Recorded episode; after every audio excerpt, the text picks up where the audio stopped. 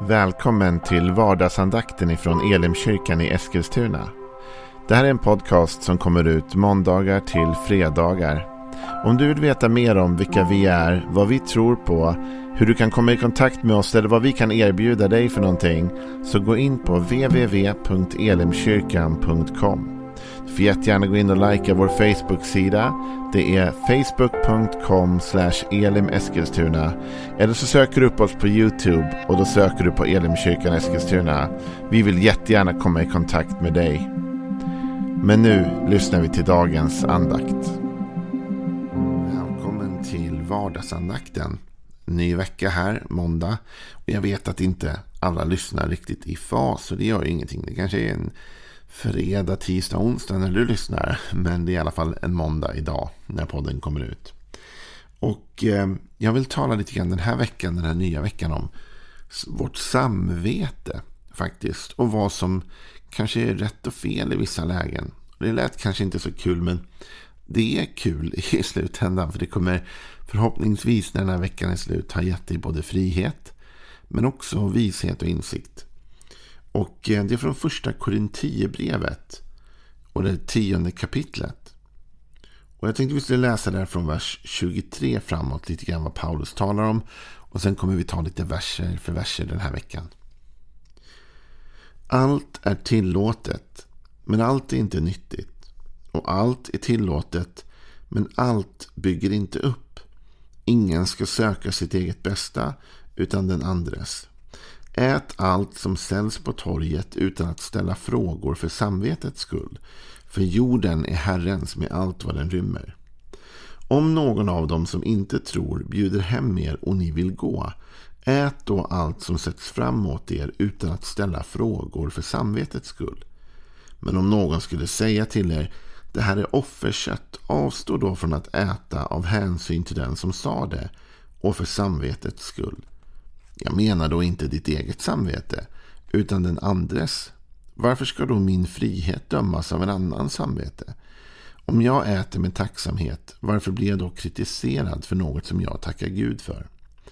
Alltså, om ni äter eller dricker eller vad ni än gör, så gör allt till Guds ära. Väck inte anstöt vare sig hos judar eller greker eller i Guds församling. Själv försöker jag i allt foga mig efter alla och söker inte mitt eget bästa utan det mångas för att de ska bli frälsta. Följ mitt exempel liksom jag följer Kristi exempel. Så här talar Paulus om vårt samvete. Vårt samvete är någonting fantastiskt eh, viktigt som Gud har gett oss. Någonting som vi har med oss i livet som en guide. Och Vad är då tillåtet och vad är inte tillåtet? Och hur ska man tänka kring de här bitarna? Ja, Paulus han börjar ju med detta. Allt är tillåtet men allt är inte nyttigt. Allt är tillåtet men allt bygger inte upp. Och det finns lite att säga om det. För det första så säger Paulus två gånger allt är tillåtet. Och man kanske skulle ha en insikt om att när Paulus säger det här så är han inne innan det då i ett samtal om det här med offerkött. Det är ju inte någonting som du och jag kanske brottas med idag. Men i Korint på den här tiden till den församling där Paulus skrev så fanns det ju människor i den staden som offrade djur i liksom avgudadyrkan till andra gudar. Och då kommer det upp en fråga. Får man äta sånt kött? alltså om det här är ett djur som har offrats i någon sorts avgudaritt till en annan gud. Är det då okej okay för mig att äta det? Det är ju liksom i den dialogen som Paulus kommer in och som Paulus säger allt är tillåtet. Paulus kommer från en historisk miljö där väldigt lite var tillåtet på ett sätt. Eller mycket var tillåtet men mycket var också inte tillåtet. Paulus han är ju, kan ju lagen utan och innan. Han var ju fostrad i detta och levde ju för detta större delen av sitt liv. Men han har också gått in i friheten i Kristus. Och jag menar, läser vi Galaterbrevet så ser vi snabbt hur han argumenterar för att friheten är det som vi ska liksom stå upp för. Så allting här är tillåtet. Men det innebär inte att vi ska göra allt. Vi behöver inte göra allt vi får. Alltså vi har ju yttrandefrihet i Sverige. Det betyder att jag får yttra mig och jag får säga vad jag tycker och tänker. Men det innebär inte att jag behöver göra det i varje situation. men jag kan ju säga att jag har faktiskt yttrandefrihet så jag får säga det här och det här och det här. Ja, det kanske jag har och det kanske jag får. Men är det verkligen bra att jag säger allt jag känner och tänker och tycker i alla lägen? Det är ju det Paulus är inne på. Allt är tillåtet men allt är faktiskt inte nyttigt. Och allt är tillåtet då, men allt bygger faktiskt inte upp oss. Jag drog en pil i min bibel från den här versen och så skrev jag i marginalen så här. Ditt bästa i centrum. Alltså Paulus lyfter faktiskt fram oss och vårt bästa i centrum. På frågan om de får äta avgudaköttet så säger han ja det är ju tillåtet. Men är det nyttigt? Och är det något som bygger upp? Och det är ju för vår skull. Är det nyttigt för dig? Bygger det upp dig? De här två frågorna tänker jag kan vara ledstjärnor den här veckan. När vi ställer oss frågan, är det här tillåtet? Får jag göra det här? När man hamnar i någon ny situation och man tänker, är det här okej? Okay? Ja, då har du egentligen två motfrågor här som du kan ställa. Det ena är, är det nyttigt? Och det andra är, bygger det upp? Och den frågan kan gå åt flera håll. Är det nyttigt för mig? Är det nyttigt för andra människor? Bygger det upp mig? Och bygger det upp andra människor? Alltså är det ett gott resultat av det här handlandet? Inte bara är det okej. Okay, utan vad leder det till i frågan? Jag ska bläddra i min bibel här. Och idag har jag faktiskt pappersbibeln så det hörs till och med lite prassel kanske. Bara ett blad tidigare så talar Paulus om hur vi ska jobba på oss själva lite grann. Och i kapitel 9 i första Korinthierbrevet och från den 24 versen så säger han så här. Vet ni inte att av alla löparna som springer på arenan är det bara en som får priset? Spring så att ni vinner det. Alla som tävlar måste ha disciplin i allt. De gör det för att vinna en segerkrans som vissnar och vi för att vinna en som aldrig vissnar. Jag springer alltså inte utan att ha målet i sikte. Jag boxas inte likt en som slår i tomma luften. Istället är jag hård mot min kropp och tvingar den till lydnad för att inte själv komma till korta när jag predikar för andra. Här tar Paulus liknelsen av en löpartävling. Och han pratar om disciplin. Alltså disciplin är inte ett av mina favoritord. Jag gillar frihet mer än jag gillar disciplin, eller hur? Jag gillar allt är tillåtet. Det är sånt som liksom känns bra. Men här pratar han om disciplin. Varför? För att vi ska vinna. Spring så att ni vinner det, säger Paulus. Och då börjar han tala om disciplin. Du vet, om vi fokuserar på disciplin för disciplinens skull, då kommer vi ge upp ganska fort. Men om vi ser disciplin som ett medel på väg mot ett mål, jag behöver disciplinen för att vinna priset. Då är det lättare att hantera det. Och då börjar vi tänka så här. Är det nyttigt för mig? Om jag har en dröm om att jag vill göra det här med mitt liv.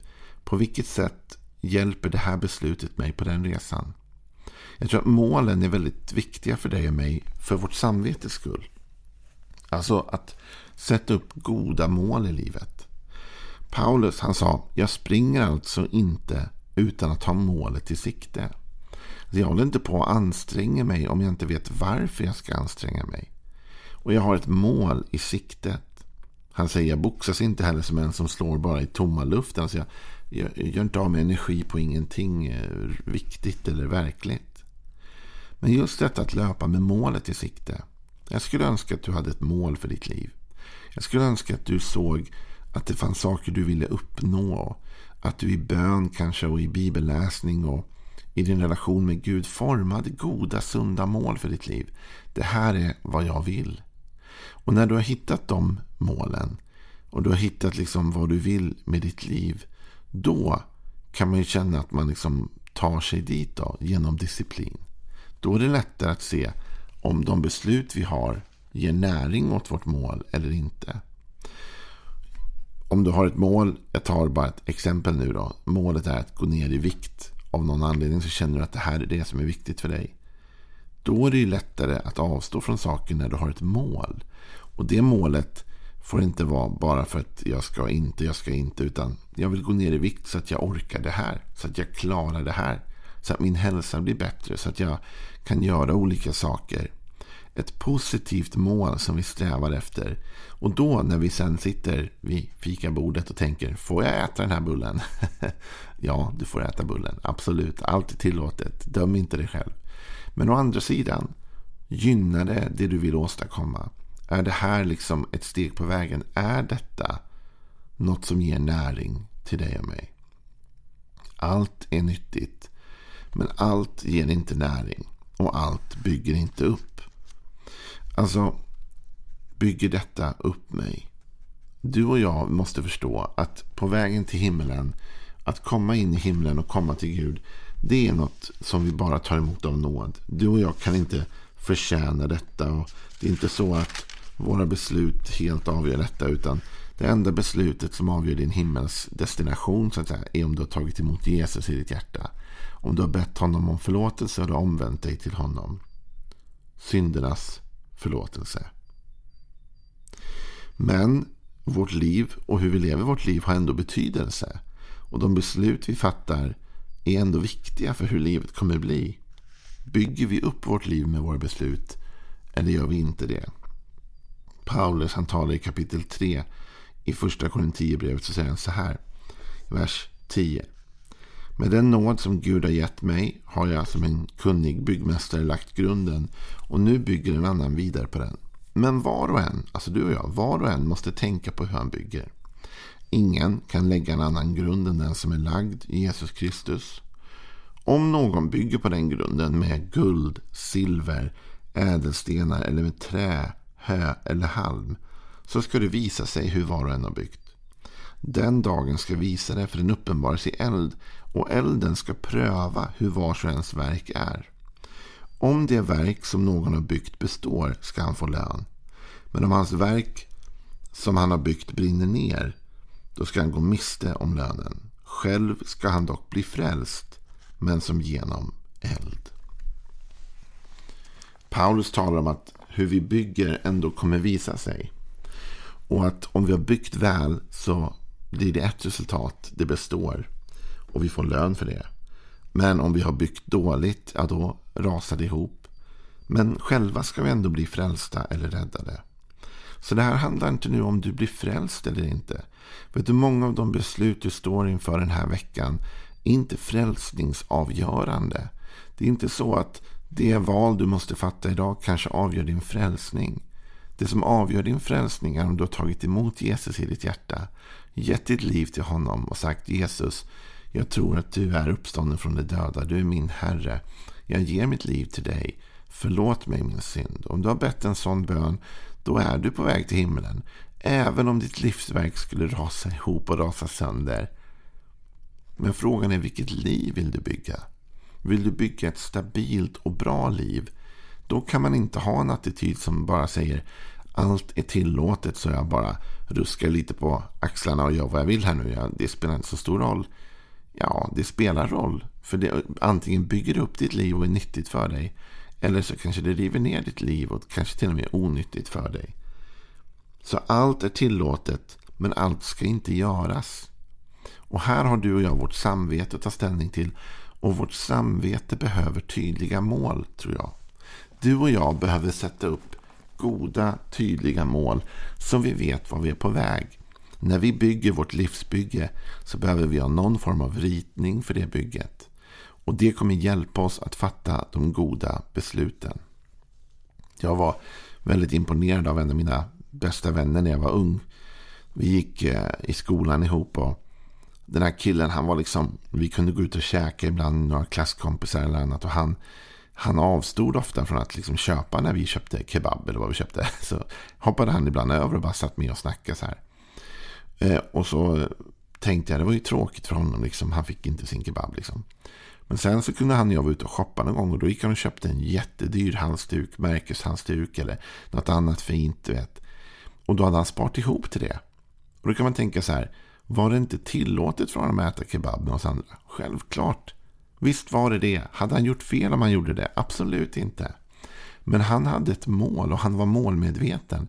Han ville köpa något ännu dyrare. Och då visste han att då kan inte jag käka kebab hela tiden. För jag har inte råd med det. Om jag ska spara mina pengar och jag vill köpa detta. Han hade inte gjort fel hur han än gjorde. Men han hade ett mål. Och du vet, många gånger i livet kommer du och jag stå inför sådana val. Gud kommer inte skicka en blixt i huvudet på oss eller sända oss till helvetet om vi väljer det ena eller andra i alla lägen. Däremot så är det inte alla val som bygger upp oss. Och det är inte alla val som är nyttiga för oss. Och det är inte alla val som för oss fram i den riktning som Gud vill och som är bra för oss. Så måla upp goda mål för dig själv. Med Guds hjälp och med den heliga Andes hjälp. Sätt goda och realistiska, kanske Eh, mål vi måste kämpa för, men ändå realistiska mål. Och dra dig dit. Och låt ditt samvete fatta beslut utifrån dessa mål. Löp med målet i sikte. Löp för att vinna. Löp för ett nyttigt liv, för ett uppbyggligt liv. Tacka nej till det som inte ger näring och tacka nej till det som river ner dig. Och välj det goda för dig själv. För detta handlar om dig. Imorgon ska vi prata lite mer om hur vi kan bredda vår tanke om vårt samvete och låta det påverka kanske även andra människors liv eller hur det kan påverka andra människors liv. Men för idag vill jag säga detta. Visst, det är tillåtet. Men det kanske ändå inte är rätt. Välj det som bygger upp och välj det som ger dig näring. Välj det som för dig närmre ditt livsmål. Ha en välsignad dag. Imorgon fortsätter vi med mer tankar om vårt samvete.